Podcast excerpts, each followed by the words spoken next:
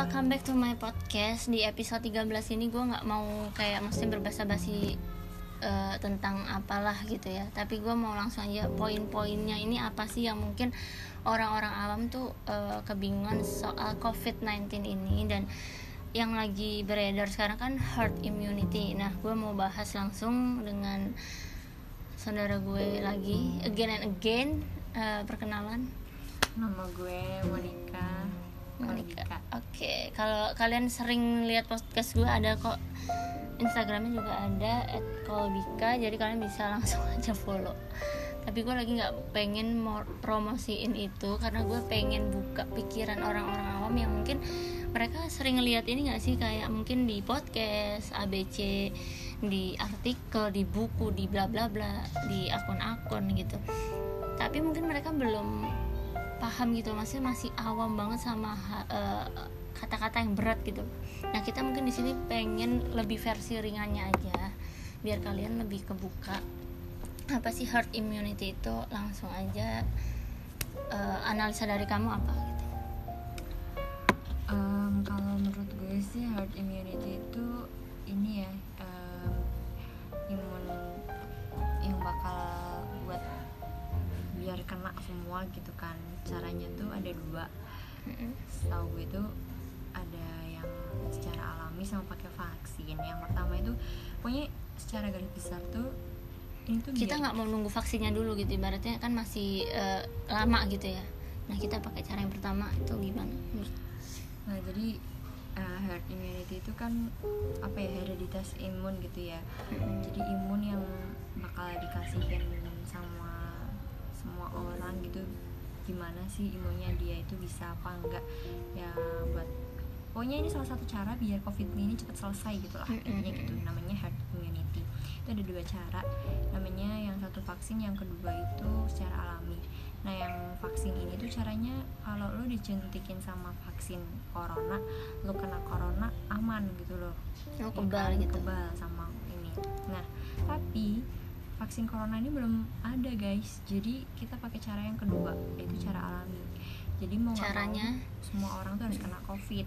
Jadi kan kalau semua kerumunan kena covid semuanya bakal kebal sama covid. Tapi ada pasti ada, ada dampaknya ya? ada dampaknya gitu. Jadi kalau banyak yang kena juga kan di usia-usia tertentu juga ada yang rentan gitu loh buat apa sendiri. Sebenarnya virus corona itu bakal sembuh sendiri ya kan katanya katanya pakar menurut pakar seperti itu.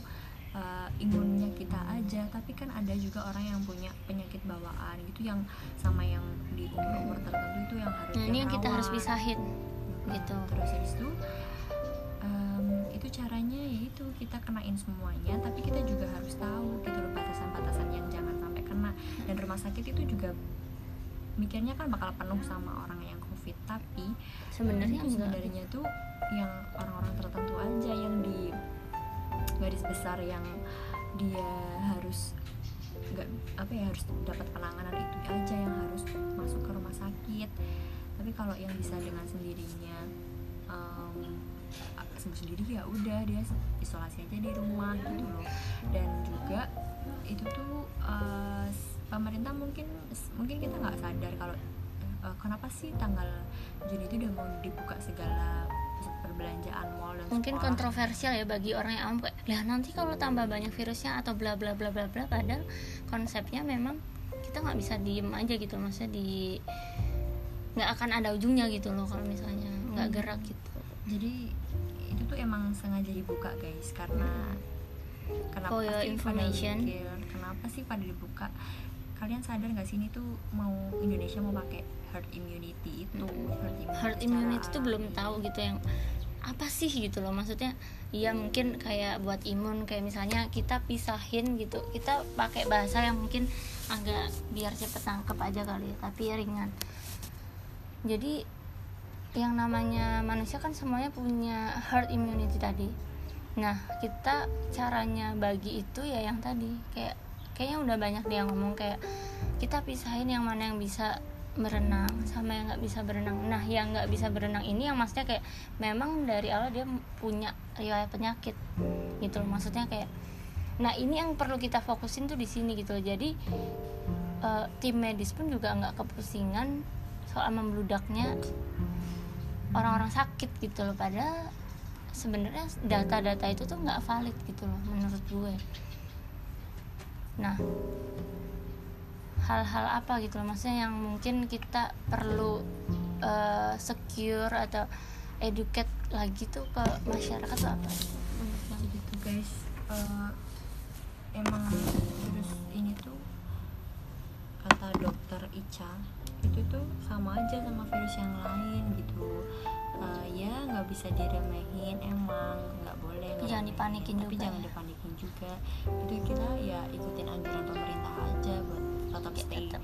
at home terus juga uh, social masker distancing pakai atau- masker cuci tangan gitu emang ya uh, kita harus tetap berikhtiar juga berdoa dan ya yang dibilang juga seperti podcast podcast yang lain pasti ya sudah mulai Uh, ngerti lah udah ya mulai sekarang terbuka teori lah. konspirasinya seperti apa kan guys nah menurut kamu ini uh, bikinan nggak virus ini menurut aku sih ya ini jelas konspirasi konspirasi antara Iya. kita jelasin aja belak belakan ini antara Amerika sama Cina kita tuh cuman kena imbasnya gitu biological farmware katanya orang-orang sih gitu ya Iya.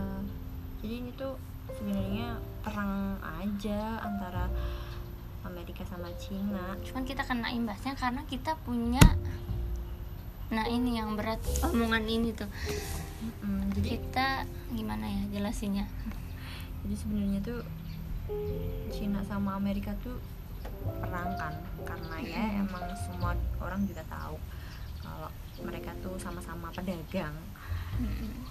Nah, jadinya ini ini non Trump ya non Trump Mm-mm, eh, ya, covid non-Trump. ini cuman eh, kita punya deadline sampai November Mm-mm. karena ada legacy apalah di Amerika sana nanti yang eh, menyebut eh, intinya kayak kita punya waktu untuk ngulur waktunya mereka gitu biar eh, nggak gampang.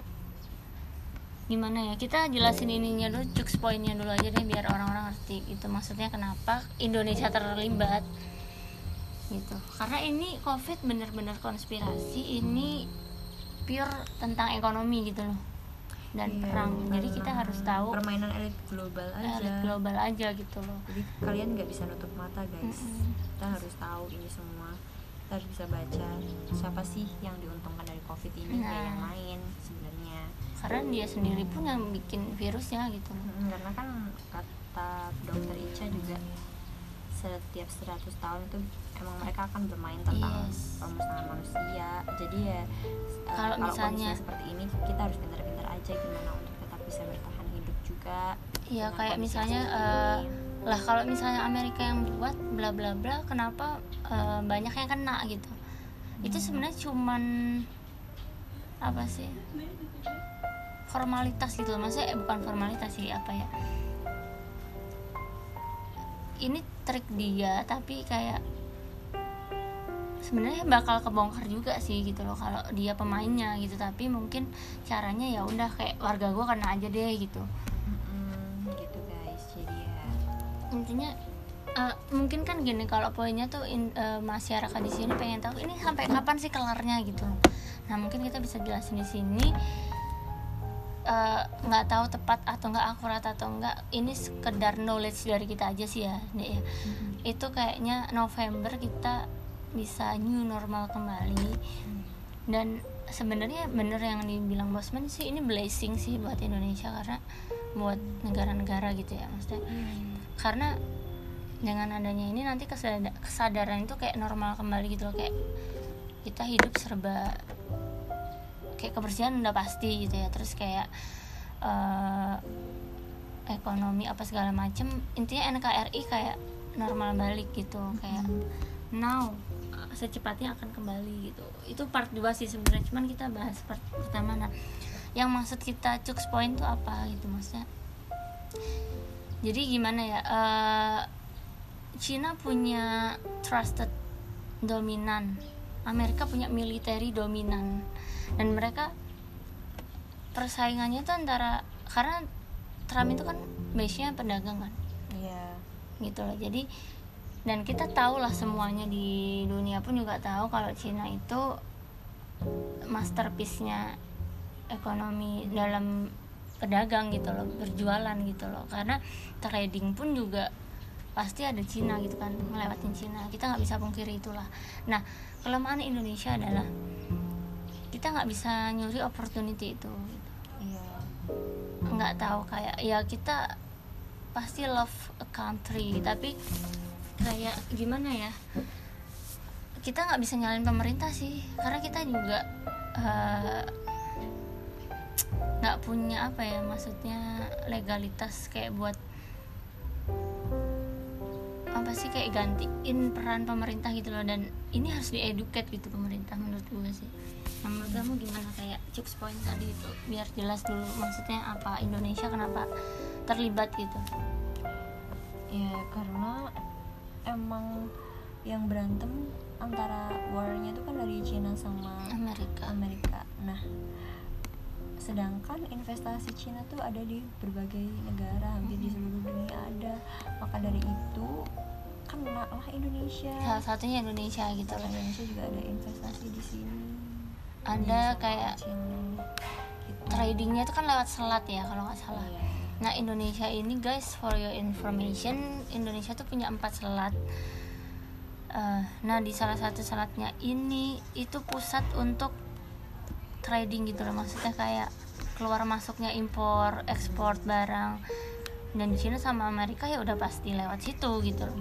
Nah sebenarnya opportunity dari Indonesia adalah ya benar yang dibilang bosman gitu ya. Itu menarik banget sih kayak dia cuma punya waktu sampai November nah kita bisa kayak bikin hal yang mereka bisa mikirnya tuh lama gitu loh. Kayak lo bisa ngasih apa? Kalau misalnya eh, lo ini deh Cina jangan boleh masuk gitu. Amerika bilang gitu ke Indonesia kayak ya tapi gimana? Lu punya apa? Lu punya apa ya investor-investor di Indonesia lu jangan masuk lagi gitu kan Iya. begitupun sebaliknya Amerika juga bilang jangan eh maksudnya mau dibeli ya militernya apa membangun militer di di selat itu. Indonesia itu tadi di salah satu selat Indonesia yang which is pasti eh, kita nggak bisa netral netral aja gitu maksudnya kayak kita itu opportunity banget sama buat Indonesia karena kayak sama ini kan kita kebingungan ya kayak maksudnya pajak apa masih bayar segala macem bener sih kalau misalnya itu sambil mereka mikir uang tuh masuk gitu loh ke Indonesia kayak Iya. at least bayar berapa dolar gitu loh atau berapa persen dari eh, dia berapa sih sekali omset maksudnya sekali ya pokoknya kurang tahu ya berapa ininya cuman di setiap dia mau transaksi lewat Indonesia selatnya kita harus ngasih eh, kayak pajaknya gitu pajak Jadi- jalan lah ibaratnya gitu. Hmm, jadi hmm, dengan manusia yang ada di Indonesia tidak perlu bayar pajak dari Selat Malaka aja contohnya misal itu mereka berdagang lewat situ kita minta buat pajaknya aja udah tercukupi karena kan transaksi dari luar negeri yang melewati selat itu kan ratusan miliar ya. Jadi lumayan buat Indonesia. Kita nggak ngapa-ngapain dapat dapat itu gitu. Karena harusnya kita kan punya punya selatnya gitu gitu, loh. jadi harusnya Indonesia dengan keadaan seperti ini yang mereka masih pro kontra masih war gini kita harus memanfaatkan itu gitu. Jangan jangan just justru just to be netral gitu. Iya kita emang harus netral tapi kita juga harus mengambil gue nggak ikut campur kok gitu. Kayak ibaratnya mereka dagang mereka dagang ya gue nggak ikut campur gitu. Lo lo gue gue ya nggak bisa gitu gitu. Ini opportunity buat kita gitu karena Hmm. iya kita harus cari poinnya kita harus dapat keuntungannya dari um, war ini gitu loh. Jangan perang cuma ini gitu ya aja. mungkin. nah itu tadi kan intinya itu di ekonomi guys. Eh, ini konspirasi banget. Ini emang dibuat virus ini gitu ya kita nggak tahu sih ya de- re- lebih realnya kayak apa tapi yang kita pelajari menurut gue adalah knowledge is everything sih kalau untuk sekarang. Karena nggak mungkin harus bener-bener aja Uh-uh. guys.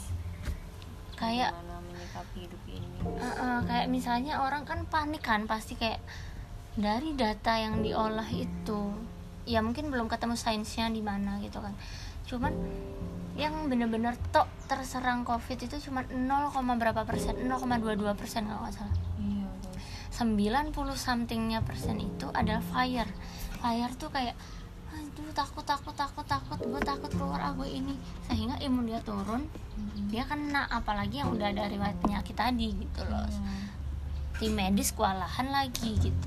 Farmasi terserang gitu maksudnya kita kewalahan atas itu. Dan BPJS pun juga udah dihapuskan kan habis ini. Maksudnya udah kehabisan kehabisan duit. duit gitu loh buat menangani ini gitu. Jadi poinnya sih adalah eh, mungkin kita bisa mengeduket aja gitu loh. Jangan panik tapi tetap waspada. Itu dari dulu sih kayaknya. Udah di ngomongin kita kayak misalnya Juni kan udah ada informasi mau ada Iya. buka kembali kan sekolah buka lagi mall atau apa something buka lagi. Menurut aku sih fine fine aja gitu loh nggak ada masalah. Selagi kita masih ikutin anjuran pemerintah yang bla bla bla gitu. Kalau enggak ya kita beku lah. Iya. Nggak ada gitu karena petikes kita nggak ada gitu. Jadi guys katanya sekarang swasta tuh bisa menyediakannya cuma sampai Juli. Mm-mm. jadi menurut uh, pendapat kita lebih baik kalau misalkan kalian punya uang disimpan aja ditabung dihemat buat nanti Sampai- bulan-bulan sampai kelar ini semua. Least akhir tahun inilah. Iya jadi jangan dihabisin buat yang nggak perlu-perlu gitu guys. Karena emang kita kan eh, di for your information again eh, controller di Indonesia ini kan swasta ya bukan negeri. Nah negeri itu sebagai pelaksananya. Gitu loh. Jadi iya kalau misalnya swastanya tumbang secara logika ya negeri pun tumbang gitu loh. Dia mau dapat dari mana gitu loh. Karena emang yang dirugikan kan swasta sekarang kan. Maksudnya kayak semua perusahaan Iya. eh, tutup bukan tutup sih kayak dipospon di ini dirumahkan tetap berjalan tapi kan nggak normal kembali gitu dan pasti turun drastis perekonomian di Indonesia gitu. Nah makanya eh, kenapa mungkin pemerintah udah mulai aware kali ya mungkin ya? Iya. udah mulai mau dibuka kembali kayak normal dan katanya ini ya yang umur 45 ke atas. Iya, nggak boleh keluar boleh keluar rumah guys jadi yang masih kayak 45 ke bawah tuh boleh kerja balik lagi kayak dulu. Kita masih normal sih kayak dulu cuman mungkin udah dibatasi. Nah yang kita mau bahas ini yang katanya nggak boleh masuk mall atau yang kayak umur 50 sekian nggak boleh masuk mall nggak boleh keluar 45 nggak boleh kerja itu dampaknya apa menurut kamu? Kayak ke Iya. anggota keluarga deh yang terdekat ya dampaknya kalau misalkan nggak boleh keluar sebenarnya sih ya it's okay. Cuman kan yang dari satu rumah tuh kan bukan hanya yang berumur sekian ada yang bayi ada yang remaja. Jadi justru mereka juga yang harus berhati-hati ketika berinteraksi dengan orang-orang yang berumur tertentu itu yang dibatasi itu. Jadi ya harus tetap hati-hati karena kan kita juga walaupun udah ada peraturan yang 45 tahun ke atas nggak bisa tahu. langsung tapi kan kita juga harus tetap waspada dengan interaksi orang lain di satu rumah apalagi beda uh, generasi gitu guys. Jadinya ya harus tetap hati-hati. Mungkin tetap waspada tapi kayak don't panic aja sih kuncinya di sini tuh cuman menyerang imun gitu loh. Dan kecuali terlepas dari yang punya uh, riwayat penyakit itu yang pernapasan atau bla bla bla gitu. Makanya itu iya emang harus diedukasi gitu kalau masyarakat Indonesia gitu maksudnya. Ya guys intinya gimana kita di sini nggak mau sok tahu. Cuman mungkin dari sebagian artikel atau eh, data atau apa pun kita jadiin satu jadi knowledge gitu ya. Kira-kira kayak gitulah. Kita jelasin di sini ya siapa tahu ada yang denger ya kan. Dan gimana caranya langkah awalnya tuh kira-kira apa menurut kamu yang pemerintah abis ini kayaknya Nggak bener nih agree nih menurut kamu menurut aku ya setiap sekolah juga harus tetap menggunakan social distancing harus tetap pakai uh, atribut kayak masker kaos kaki terus pakai cuci tangan jangan lupa tetap harus ditingkatkan apalagi ya karena kan udah mulai dibuka terus ini juga maksudnya masih covid juga masih apa ya belum masih masih mewabah lah jadi apalagi sekolah mau dibuka tetap harus lebih waspada. Yang lebih yang tadinya waspada harus lebih waspada. Yang tadinya menjaga kesehatan harus lebih menjaga kesehatan lagi. Ya itu terus juga jangan lupa berdoa dan berusaha. Itu guys.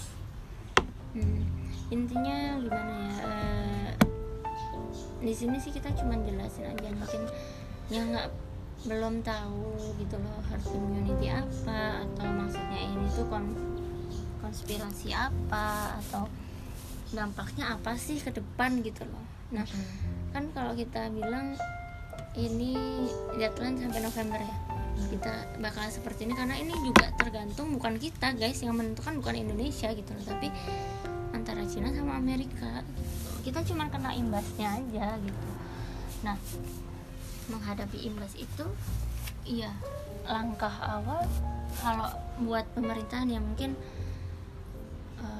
secara tadi opportunity kita harus maksimalin. Gitu biar mereka punya pertimbangan yang berat gitu loh kayak nggak bisa cuma sebulan dua bulan mikir gitu kayak uh, bumerang buat uh, mereka berdua sendiri gitu loh. Dan kita tuh menurut aku nggak bisa kita jangan sampai berdamai sama covid. Karena kalau kita berdamai kan kayak ya udahlah gue pasrah. Berarti kita bergantung dong sama yang buat virus gitu loh kayak ya udah kita stuck di sini gitu. Ya udah deh lo kelarin urusan lo gue tunggu di sini. Kita cuman gitu gitu selama ini. Nah kalau kita ya udah gitu kayak aktivitas normal apa segala macem tapi tetap kita intinya imun sih. Maksudnya kayak uh, selama ini mungkin kita apa nih? Amerika minded atau China minded gitu ya. Tapi sebenarnya ini konspirasi aja guys gitu loh for your information again. Dan kalian mungkin bisa sambil cari-cari artikel ada waktu luang baca-baca deh atau mungkin lihat podcast atau apa karena ini itu mulut ke mulut gitu loh jatuhnya gitu bukan? Iya benar banget. Mulut ke mulut dan iya yang bisa nyelamatin diri kita ya diri kita sendiri sih gitu. Hmm. gitu jadi jangan kebawa omongan orang gitu kayak ya lo mati. Kalau misalnya ibaratnya ya udah deh gue nunggu aman banget atau maksudnya ini kan uh, walaupun terlepas dari udah tahu ini konspirasi Cina sama Amerika terus kita diem diem aja ya udah deh kita tunggu sampai benar-benar ini udah selesai apa kita nggak ada movement ya percuma gitu loh. Jadi menurutku harus gerak sih harus gerak gitu dan harus uh, segera normal dibuka normalnya bukan kayak 100% ya 100% normal kayak kemarin tapi kita mulai buka lagi kita mulai ya karena udah petikasnya nggak ada gitu. Itu sih.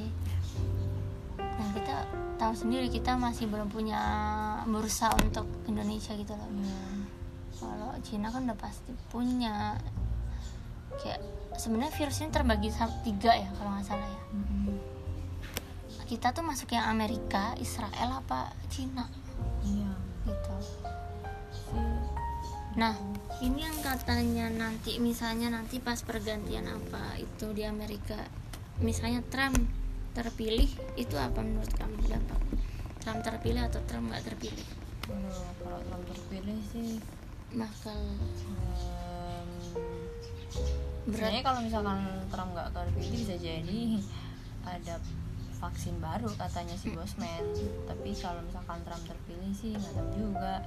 Mungkin ini bisa menjadi bumerang buat Trump maksudnya dia akan mencari jalan mencari apa berpikir kembali lah untuk negara dia terutama karena bisa berpengaruh ke negara lain. Dampaknya jadi ya mereka harus karena dia emang yang megang dunia kan ekonomi. Ya gitu deh pokoknya. Intinya ini cuman buatan lah gitu loh virusnya. Dan kita bisa kembali normal tapi juga tetap ikut anjuran pemerintah aja gitu. Sih intinya kayak gitu sih. Jangan panik banget. Nah mungkin kalau yang orang awam gitu ya lah nanti kalau misalnya herd immunity itu ada di Indonesia berarti keserang semua gimana? Kan pasti ada yang panik dong. Kalau gue nggak kuat imunnya atau atau something atau bla bla bla gitu. Hmm, jadi kita juga udah udah ini kan udah lama juga biasa dengan kepanikan udah selama ini udah yang takut. Tapi ujung-ujungnya apa? Kelamaan kan psbb pada nggak ada solusi jalan, juga. Di jalan juga udah rame orang-orang juga pada capek capek. sendiri maksudnya di rumah terus bosen juga. Gila aja satu tahun hampir masa suruh kayak gitu terus. Ya mau nggak mau. Emang hukum rimba kan berjalan guys. Kurang lebih sih kayak gitu sih guys gitu. Nah kalau kalian masih mungkin belum tahu ini apa sih muter-muter pembahasannya gitu loh. Mungkin kita ringkas di akhir acara eh di akhir recording kita ini. Intinya gini kita kan part pertama bahas herd immunity yang artinya kita nggak boleh panik kita tetap bisa jalan normal tapi eh, intinya kita bakal ken- eh, kena semua gitu loh. Maksudnya biar emang kena aja gitu biar kebal. Dan sambil nunggu virus. Kalau nunggu virus sampai akhir 2000 berapa nggak tahu juga belum ada gitu kan kemungkinan kurang lebih sih kayak gitu. Jadi nanti kita mungkin eh, berita baiknya untuk eh, tim medis sih mungkin kalau masyarakat udah aware sama ini udah paham sama ini mungkin akan meringankan bebannya banget ya. Karena udah dipisah gitu antara yang benar-benar kena sama enggak itu udah jelas banget ya kayak 80% atau mungkin 90% yang kita bakal sembuh gitu loh kurang lebih kayak gitu Iya. dan yang harus di nih fokusin dirawat di obatin tuh yang kena riwayat ini atau yang pokoknya 10 sampai 20% ini gitu guys. Jadi kalian nggak usah panik, nggak usah kayak kayak pasrah gitu loh maksudnya karena kan nggak ada solusi gitu pemerintah pun juga udah kehabisan dana lah ya ibaratnya buat cover ya bayangin aja di Indonesia dengan 330 something ya, ribu ya. Eh juta ya sorry. Eh, penduduknya ya gimana gitu loh. Jadi menurut aku sih ini harus diomongin sih gitu karena udah nggak bukan hal yang harus disembunyiin lagi gitu. Bener banget. Dan mungkin buat kalian yang awam yang yang bahaya tuh sebenarnya gini loh. Kita kan banyak orang yang ah males ah ngapain gue baca-baca gituan ngapain gue lihat-lihat podcast lihat-lihat artikel apa toh gue juga masih hidup gitu. Nah itu pikiran orang yang mungkin ya udah segitu aja gitu loh. Aku nggak bilang bodoh atau gimana ya cuman ah, orang yang intelek kan jarang banget ya. Nah ini loh yang kita takutin Indonesia itu kan orangnya ya udahlah pasrah omongan A A B B gitu. Jadi ya mau sampai kapan gitu loh. Jadi hal ini yang pengen dirubah sama orang-orang intelek itu jadi sebuah knowledge buat orang-orang yang awam ya. Maksudnya kayak misalnya marginal-marginal yang masih kumpul masih ke CBD gitu ya. Mungkin mereka ah ya udahlah orang gua gak kena ini orang cuma wacana-wacana doang. Gue belanja belanja aja gitu lah. Iya. Iya itu sih nggak salah juga cuman malah jadi bumerang buat dia sendiri gitu loh guys. jadi kita juga susah sih mau mengeduket orang-orang ini gitu. Soalnya juga nggak ada data yang si- apa ya real gitu loh. Sama ini kan datanya masih dipalsuin jadi kita juga nggak ada biologi sainsnya untuk datanya gitu. Iya, Nah, mungkin sih- makanya dengar-dengar banyak banyak pacar berhasil ya. nggak ada sia-sianya kok menurut aku sih kayak gitu Iya, dengerin podcast. Ya luangin lah waktu daripada kalian lihat-lihat apa prank lah apalah yang nggak penting kan Eh, di sini kan lagi kayak kasusnya kan eh, wabahnya kan Mm-mm. lagi apa ya bener-bener concern banget gitu loh maksudnya kalian coba buka pikiran dikit luangin waktu dikit buat mikir gitu. Ya mungkin itu aja ya dari kita ya. Uh, mungkin siapa tahu bermanfaat buat kalian semua yang dengerin. Kita di sini nggak ada kayak sok tahu ya atau uh, pengen jatuhin siapa atau siapa atau A atau B nggak ada sama sekali. Jadi di sini kita cuma pengen dari bahasa-bahasa mungkin yang berat ya. Ini pun cuman 20% kali yang kita bahas ya. Sebenarnya kita masih banyak banget yang dibahas. Cuman nggak mungkin di sini gitu loh kayak itu terlalu berat dan kita bukan porsi kita untuk bicara tentang itu gitu aja sih guys. Jadi uh, sekali lagi thank you banget buat kalian kalian yang dengerin di part 1 ini tentang COVID-19 dan herd immunity. Semoga kalian bisa mencerna dengan baik dan uh, lebih bijak ya dalam ke depannya gitu misalnya bertindak kayak gitu. Gitu aja. Terima kasih atas waktu ya, yang udah diluangkan ya. jadi di sini sampai sini aja ya mungkin pembahasan kita tentang part 1 ini. And see you on the part 2 yeah. about COVID-19 bye bye